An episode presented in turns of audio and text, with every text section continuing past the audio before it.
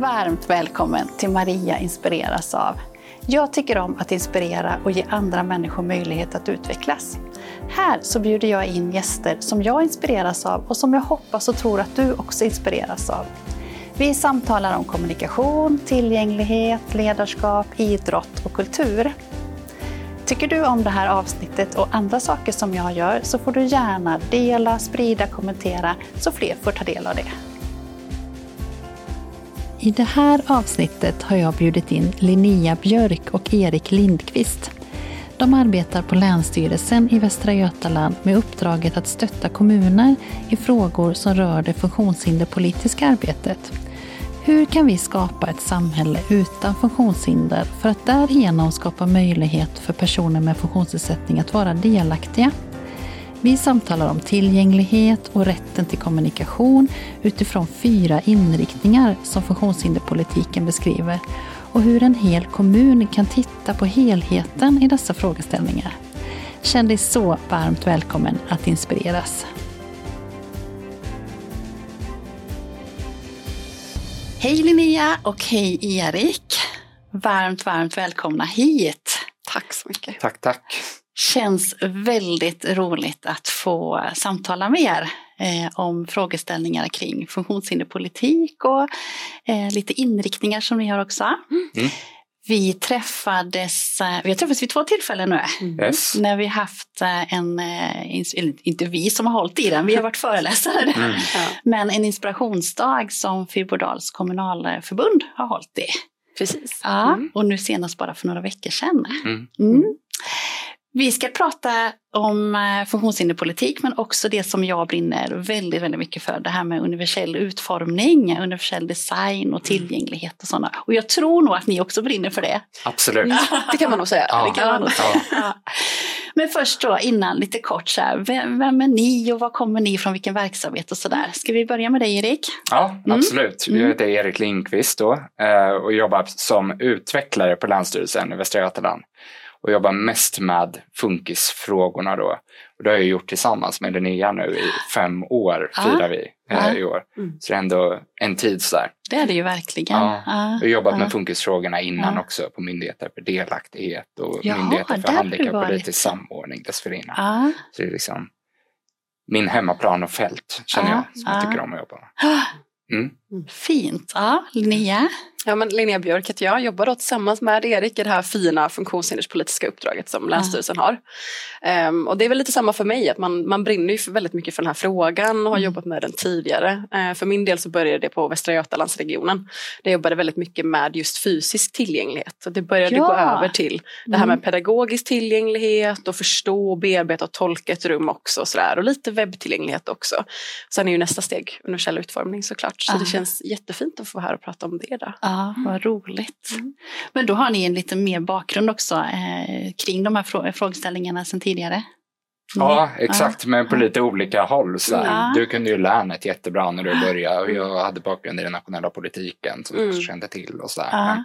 Ja, det var roligt. Ja men precis, det blev ett ganska bra komplement när vi drog igång så att Erik kom från myndighetssidan och sen så hade jag kanske just den här lite, men lite lokala kännedomen om Västra Götaland. Jag är född och uppvuxen här också så det, det känns ju också fint att få verka i sitt eget närområde. Så. Verkligen, verkligen. Mm. Men vad är uppdraget för Länsstyrelsen, alltså ert uppdrag utifrån Länsstyrelsens sida, vad är det? Mm. Ja, men I enkelhet så kan man ju säga att det där handlar väldigt mycket om att stötta. Eh, Länsstyrelsen kan ju uppfattas och har ibland tillsynsuppdrag och ja. lite mer kontrollerande uppdrag och sådär. Mm. Eh, men vårt uppdrag, Eriks och mitt, är ju det här fina, man vi får bara vara en stöttande funktion. Eh, och det är ju jätteroligt. Så det vi gör är ju att stötta våra 49 kommuner, för det är ett väldigt stort län, Västra mm. Götaland. Och vår region. Då. 49 kommuner. Ja. Hela 49. Mm. Det är därför vi får vara två Mm. Men det är ändå ganska många kommuner även det om man är förstår jag verkligen. Mm. Ja.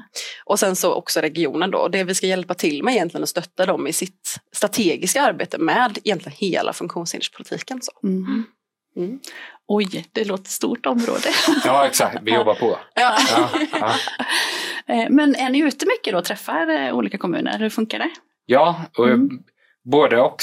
Vi, vi är mycket ute i länet och träffar enskilda kommuner och hjälper och sådär. Men utifrån vad de efterfrågar egentligen. Mm. Men sen vi har också mycket konferenser och utbildningar och så där. Mm. Snarare vi bjuder in kommunerna mm. till eh, konferenser på olika håll i Mm. länet eller på webben och så där. Mm. Så det som vi gjorde tillsammans där, då hade ni ju en, en ni inledde dagen med att prata lite mer om grund då, och kommunikation och tillgänglighet och så. Det är ni ganska vana vid att göra.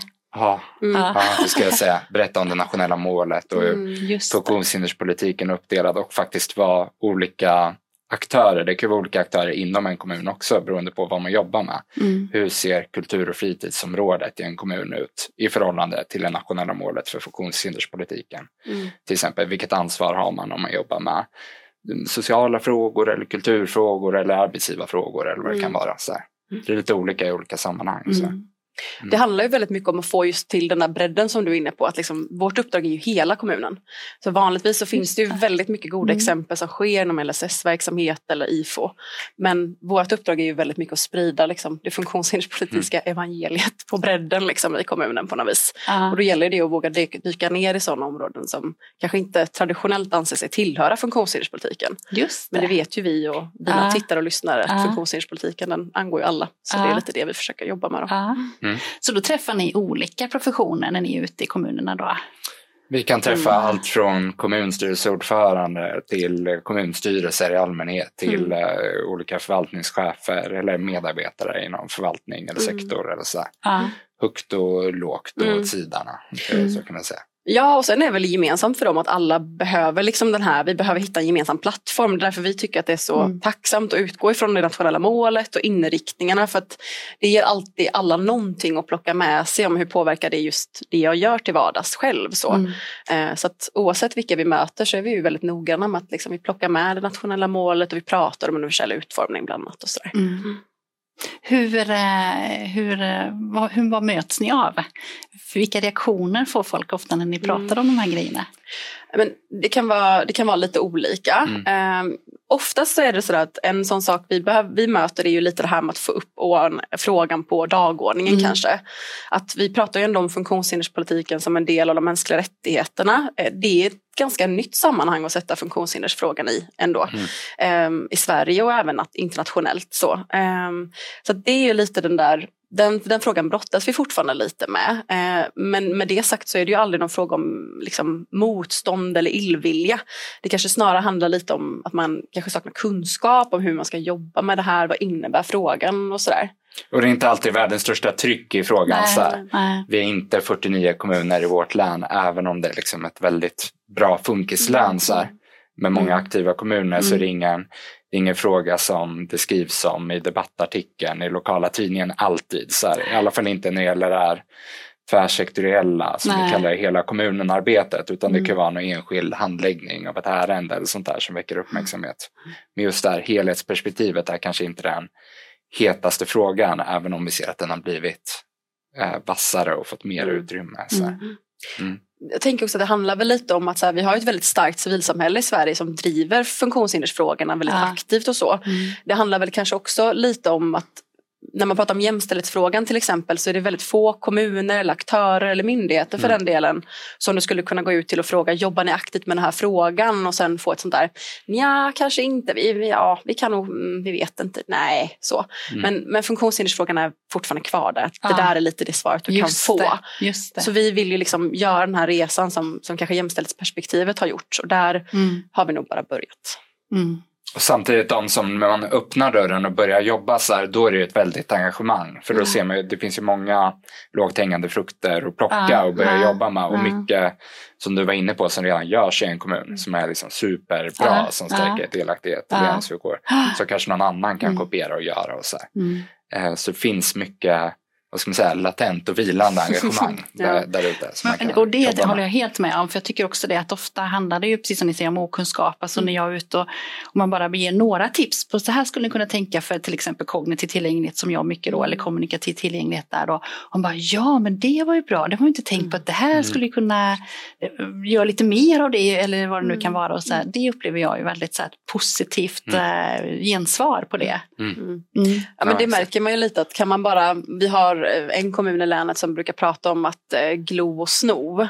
Och det tycker vi är så här bra slogan att ha. Att det är verkligen ingen, det går inga krav på att vi ska uppfinna allting själva utan det handlar om Nej. att ta de där goda exemplen och omsätta dem och kanske få lite fart också. För det finns väldigt mycket att glo på och väldigt mycket att sno. Så. Mm. Klo och sto, vad roligt. Mm, exakt, det gillar vi. Ja. Ja, eh, ni eh, ger ofta en bra tycker jag, förklaring på skillnaden på funktionsnedsättning och funktionshinder. Mm. Hur funkar det? Vi är ju en myndighet, Länsstyrelsen. Då Mm. kan man tänka, då går vi till regelboken och Mm. tittar och sådär. Då finns det lite begreppsapparater beskrivna, bland annat i Socialstyrelsens termbank, men även i FNs konvention om rättigheter för personer med funktionsnedsättning. Mm. Alltså FN-konventionen då. Och där pratar man om funktionsnedsättning och funktionshinder som Mm. två centrala begrepp. Så här. Sen är ju vi noga med, det finns ju så mycket begrepp inom det här Ja, området, så vi är noga med att säga att man får definiera sig själv såklart, om man har en funktionsnedsättning eller om man upplever att man har ett funktionshinder eller om man upplever att man är handikappad eller har Mm. ett handikapp, får man Mm. säga det också. Mm. Så här. Men vi tycker att det finns en poäng i de här begreppen. För då beskriver man funktionsnedsättning som någonting som finns hos en individ. Alltså jag eller Linnea skulle kunna ha en rörelsenedsättning eller synnedsättning eller allergi eller en intellektuell funktionsnedsättning eller Mm. svårt att kommunicera eller vad det kan vara. Så. Eh, Medan funktionshinder i sin tur, om det uppstår i relation till personer med funktionsnedsättning.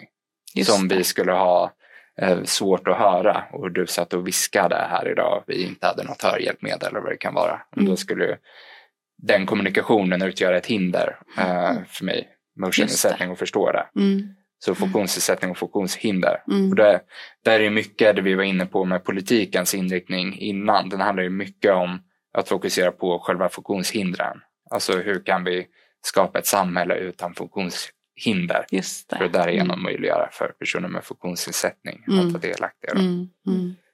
Ganska kort beskrivet. Ja, jättebra. Ja, ja. Ja, undanröja hinder på det Undanröja sättet. hinder. Ja. Och det där är ju lite perspektivskifte mot vad vi har varit innan i, Just det. Inom funkisfrågorna. Där det Mm. har varit mycket fokus på ja, med individer med funktionsnedsättning. Vi har en historia i Sverige med institutionalisering och direkt marginalisering, sterilisering Mm. eh, och, och så vidare av personer med funktionsnedsättning. Man Mm. säger att ja, den här gruppen ska inte få vara delaktiga i liksom, det, Mm. det allmänna, stora, sam, generella samhället. Så här. Utan man vill skilja åt Mm. av någon slags omsorg. Mm. Eh, så här. Kanske i grunden, men Mm. också såklart en, en o, olikvärdig och orättvis diskriminerande behandling. Så, här. Mm. Mm. Eh, så det hänger också ihop med den där tankeförflyttningen. Vi ska ha ett samhälle med mångfald och oavsett funktionsförmåga ska man kunna vara delaktig och ha likvärdiga levnadsvillkor. Mm. Och då är det samhället vi måste jobba med. Ta Mm. bort funktionshinder, förebygga dem. Ja. Mm. Ni hade någon siffra där på personer som uppger sig ha någon funktionsnedsättning. Mm. Mm. Ja, men det är ungefär var femte person i Sverige Mm. eh, i alla de nationella undersökningarna vi har. Men i Sverige så är det också så att det där är ju en självskattningsfråga, att du får ett antal kontrollfrågor och sådär. Men det, det kan variera, men ungefär var femte person. Mm. Och det där är ju också en sån här, om du frågade vad vi, vad vi möts av. Och en väldigt tydlig sak som vi möts av är ju förvåning kopplat till att det, det rör då var femte person. Ah. Jag tror att bilden av personer med funktionsnedsättning är ganska snäv idag. Så vi är ju otroligt fokuserade på synliga eh, funktionsnedsättningar. Just det. Mm. Mm. Och det, så är det ju inte riktigt utan majoriteten av funktionsnedsättningar är ju också osynliga. Eh, och det kan ju också bidra kanske till det här att man inte riktigt vet vad är det för grupp vi möter. Väldigt ofta så kan vi möta verksamheter som tänker att man inte överhuvudtaget har besökare som har funktionsnedsättning. Men det är ju självklart så om var Ja. femte person har någon form av funktionsnedsättning i Sverige. Så att den här siffran är ju egentligen mycket högre än vad de allra flesta kanske väntar sig så. Mm. Mm. Varmt välkommen till Mariposa Academy. Den perfekta medlemstjänsten för dig som vill lära dig tecken som stöd och som alternativ och kompletterande kommunikation. Mariposa Academy passar även dig som vill upprätthålla kunskapen, få stöd, inspiration och teckna tillsammans med andra. Som medlem får du tillgång till utbildningar på grund och fortsättningsnivå, livesändningar med mig där vi tecknar olika teman, filmbibliotek som ständigt växer, gruppcoachningar där vi diskuterar hur vi skapar en kommunikativ miljö och tecknar tillsammans. Det är öppet för alla, om det är en större personalgrupp, en familj eller om du helt enkelt vill utveckla ditt eget tecknande. Vi ses på Mariposa Academy.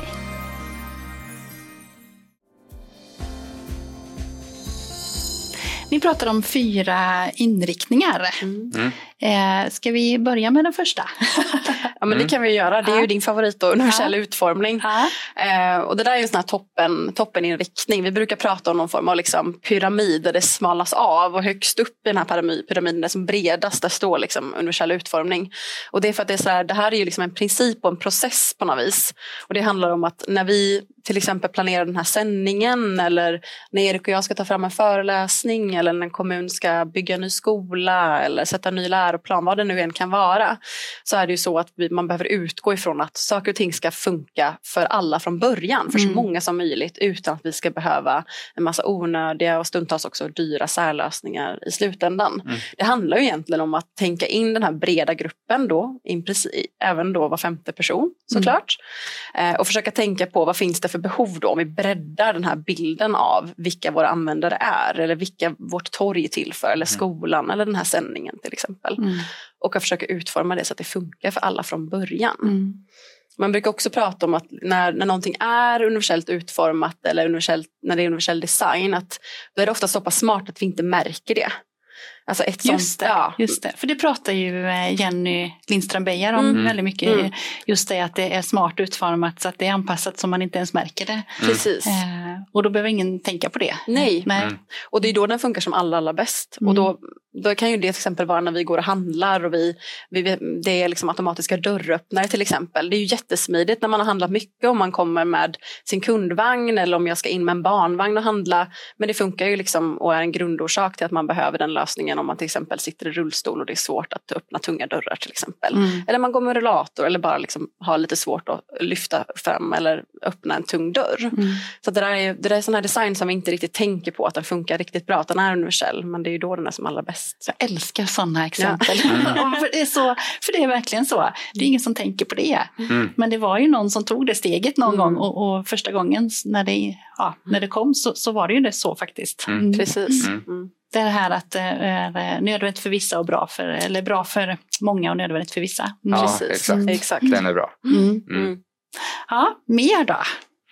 Ja, men det är ju överst i den upp och nervända Mm. pyramiden som Mm. Linnea nämnde, universell utformning. Sen behöver vi också jobba med vilket kanske är det mest traditionella, vanligaste Mm. sättet att jobba i kommuner i alla fall med funkisfrågorna. Det är att åtgärda befintliga brister som vi redan har det. skapat då, kanske genom att inte jobba så mycket med universell utformning som Mm. metod eh, tidigare. Så här. Och det, det är också i bred bemärkelse. Så här. Det kan handla om den fysiska miljön, att vi behöver åtgärda gator och torg och entréer till skolor och Mm. eh, arbetsplatser och hej och Mm. för att det ska funka. Eh, för en rullstolsburen att ta sig fram Mm. eller någon med synnedsättning att kunna ta sig fram självständigt och sådär. Men det handlar också om till, åtgärda tillgänglighetsbrister på webben i Ja. våra eh, digitala ansökningsformulär till jobb eller eh, vad det kan vara. Mm. Så, att, så att de funkar för en person med skärmläsare eller Mm. för att kunna förstå det på ett enkelt och tydligt sätt för någon person med någon form av intellektuell funktionsnedsättning eller vad det kan vara. Mm. Så det är liksom den andra delen. Och sagt, här, här är man duktiga på, på att jobba. Eh, Mm. så här. Men Mm. marknaden för det skapas ju också. Vi är ganska bra på att bygga nytt fortfarande som, som vi kommer behöva åtgärda Ja, i efterhand. så. Ja, Ja. absolut. Ja. Tyvärr.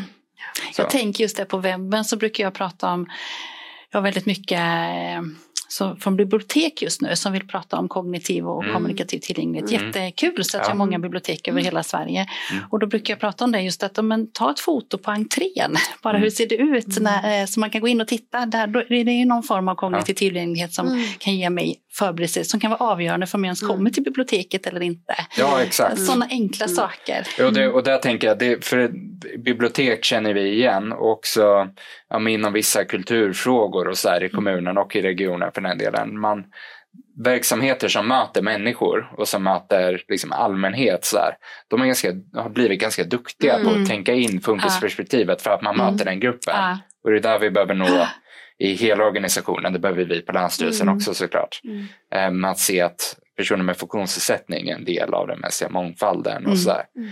och det är en del i universell utformning också att tänka, tänka lite bredare. Vi kan liksom inte Mm.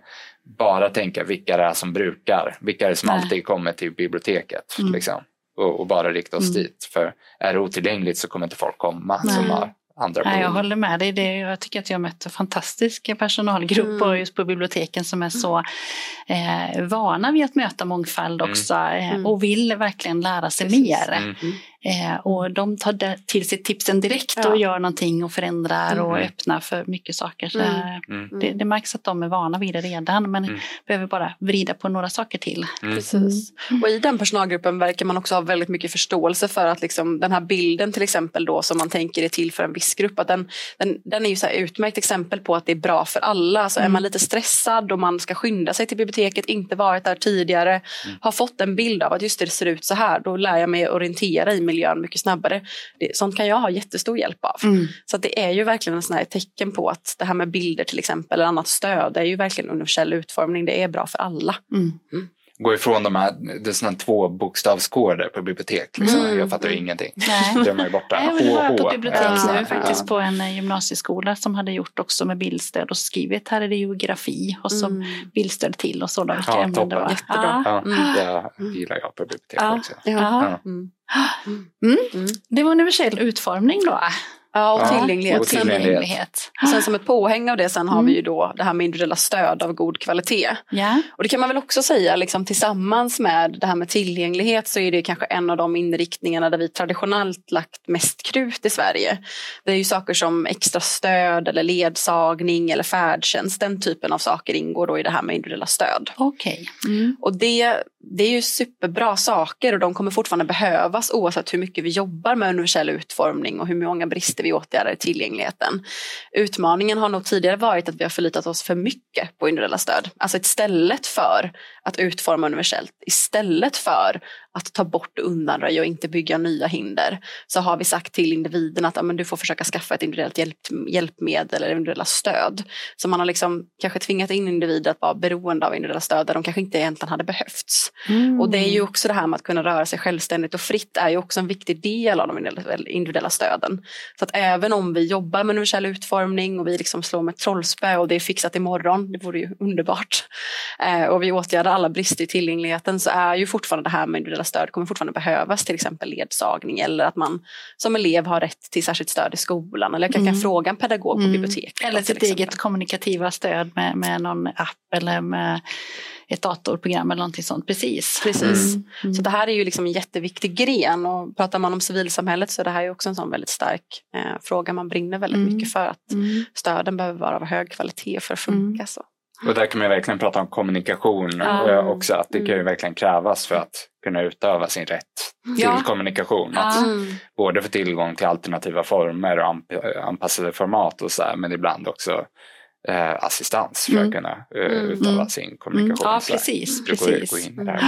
Ja. Men det var bra förklarat där med att just att det kanske var fokus på det, eller var fokus mer på det innan och nu så ju fler, då minskar också det individuella stödet eller behovet av Mm. det då.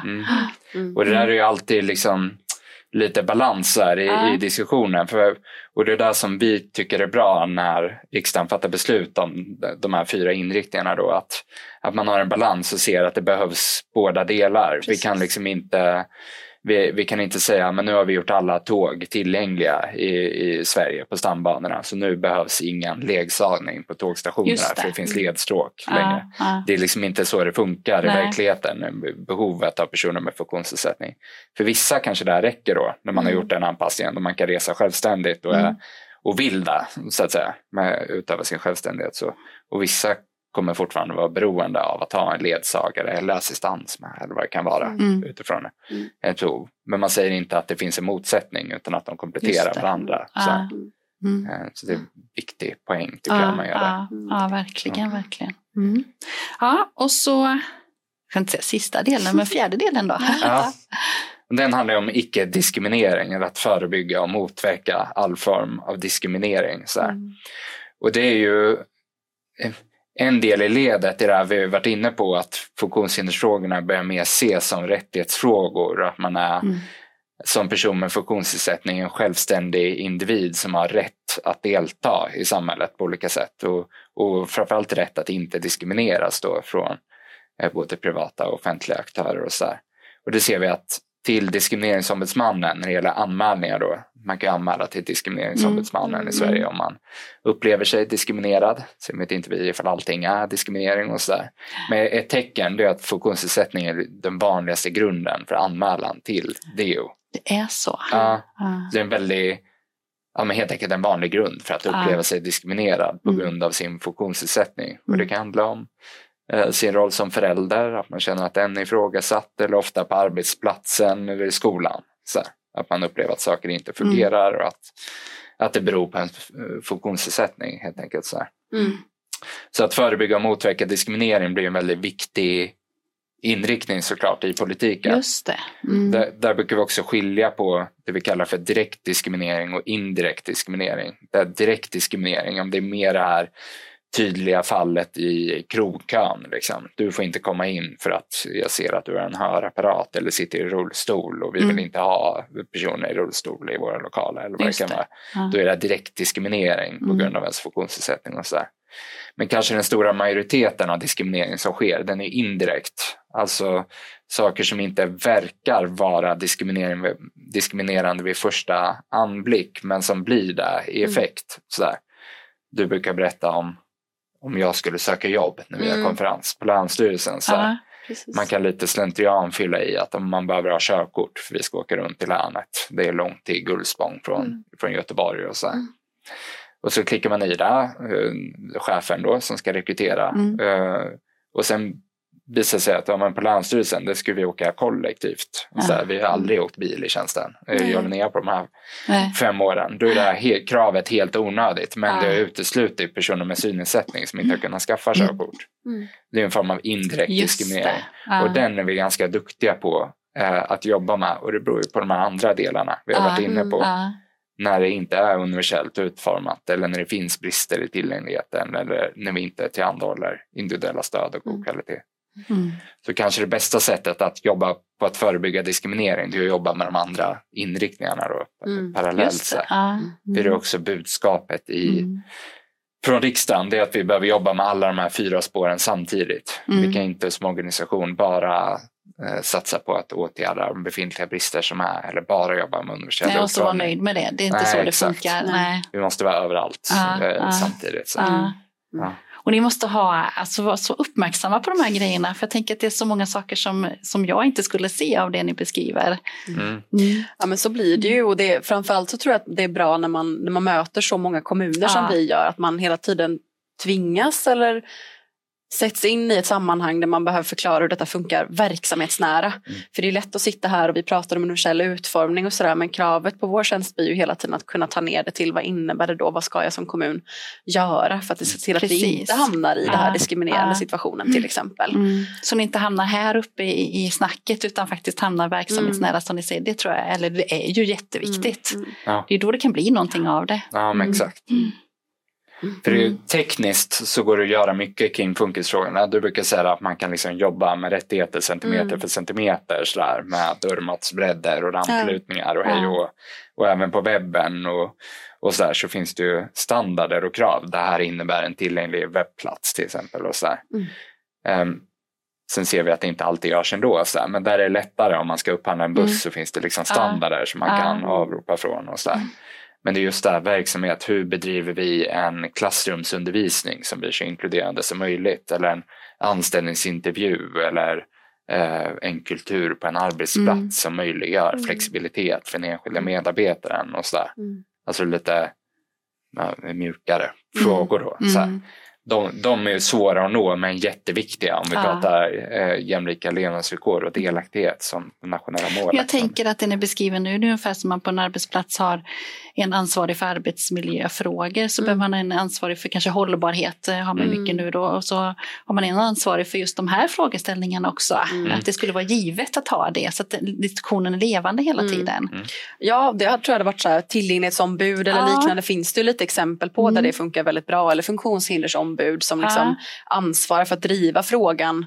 Det gäller det ju som kommun att driva frågan delvis på den här strategiska nivån men såklart också på hur funkar det i vårt klimat? Alltså hur fungerar det att vara anställd på min enhet? Hur är jag, hur är jag som kollega? Tänker jag på hur mina powerpoints ser ut när jag skickar ut dem till mina kollegor till mm. exempel? Mm. Förstår man innehållet? Sådär. Och i vårt bemötande tänker mm. jag också mm. väldigt mycket. Mm. Mycket kommer ju med liksom lite grundkunskap men framförallt att vilja ta ett driv att jobba ja. med de här frågorna. Så det, det är mer av vikt tror jag det här att, som i en kommun, att ledningen säger, det här är den politiska ledningen, men även förvaltningsledningen och mm. sektorsledningen säger, mm. det här är angelägna frågor som vi som offentlig aktör eh, bör jobba med, ska mm. jobba med och, vi, och vill mm. driva framåt. Så mm. Då kommer ju liksom den kunskapsefterfrågan automatiskt på något ah. vis också. Eh, så, så mer den typen av, arbetssätt tror jag på. Mm. Som sagt igen, mycket mm. lågt hängande frukter av att tänka till överhuvudtaget. Mm. Så här, kommer alla in här på den här saken vi anordnar mm. eller vilka, vilka var det som inte kom förra året och mm. vad vill vi med det? Liksom. Och då, är vi typ, mycket. Ja, då är vi tillbaka till det där igen, att vad, vad, är det som gör att man ställer sig den frågan? Mm. Det är ju väldigt mycket det här med kunskap, alltså mm. att det finns någonstans att inhämta den. För det ser vi ju exempel på. En utmaning inom funktionshinderspolitiken är att vi tenderar att prata om personer med funktionssättning och att vi kanske har varit dåliga på att lyfta att det finns en särskild situation för barn med funktionsnedsättning, flickor och pojkar med funktionsnedsättning kvinnor med funktionsnedsättning till exempel. Eh, ett sådant exempel är ju hur man kanske tenderat att titta på när man jobbar med våld i nära relation eller mm. mäns våld mot kvinnor, vad man än väljer att benämna det här problemet som.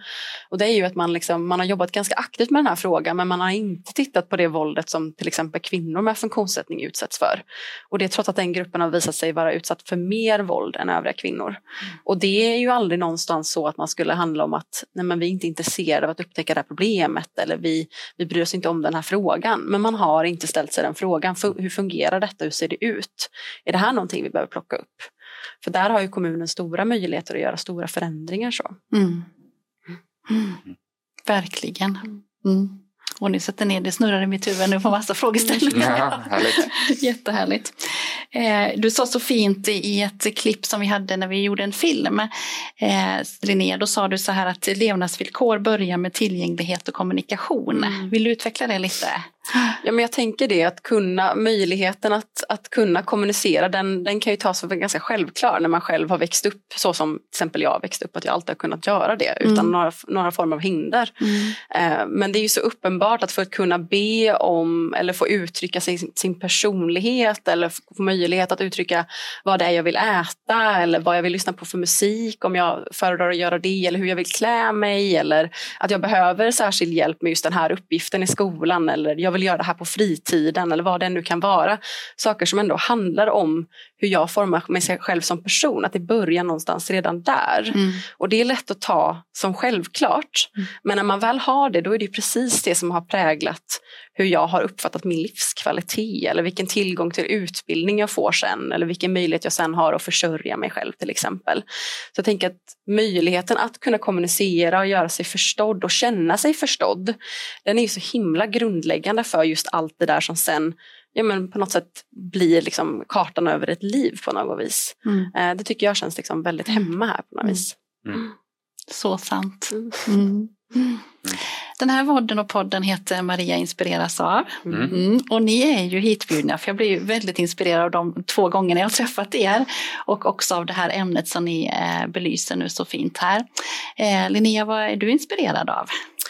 Åh, um, när man pratar om de här frågorna så för mig så började det där liksom ganska tidigt. att um, För mig så hamnade ganska nära. Eh, det hamnade liksom redan i min familj. Mm. Eh, för när jag växte upp så hade både min, mor, min morfar och min mormor hade båda varsin eh, funktionsnedsättning. Och där var det liksom två personer som var ja, men, otroliga krafter av både levnadsglädje och allt möjligt sånt som var väldigt viktigt för ett barnbarn att få se och få vara med om. Så att det tog ett tag när jag jobbade med de här frågorna innan jag insåg att men vänta nu, det här vi gör nu, det skulle ju både mormor och morfar ha användning för. Ja. Och när den poletten väl trillade ner, då var det som att då kan jag backa tillbaka till det det och se det varenda gång man gör någonting som känns lite extra fint sådär. Mm. Eh, att det backar hem dit. För det är ju också det här att vi pratar om procent och det var femte person. Men någonstans så handlar det ju där om att det är ju individer vi pratar om. Eh, och det är ju de, det är individers levnadsvillkor som man försöker göra skillnad för i det här jobbet. Så, mm. eh, så det känns fint att kunna ha två ansikten som jag tänker på särskilt då i de sammanhangen. Det förstår jag, det förstår jag. Mm. Fint. Erik, vad inspireras du av? Men jag tänker också på ett särskilt fall, det är inte Linneas släktingar.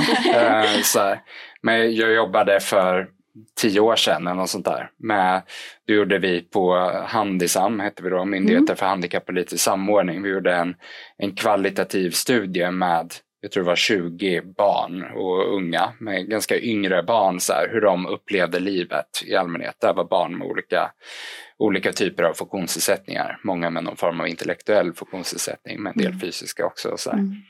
Och då var det ett barn som berättade i en av intervjuerna som gjordes då om hur hans skolgång var. Så uh, han gick uh, i en klass på en skola där det var otillgängligt. Så här, han var rullstolsburen, den här killen, kanske i tioårsåldern eller något sånt där.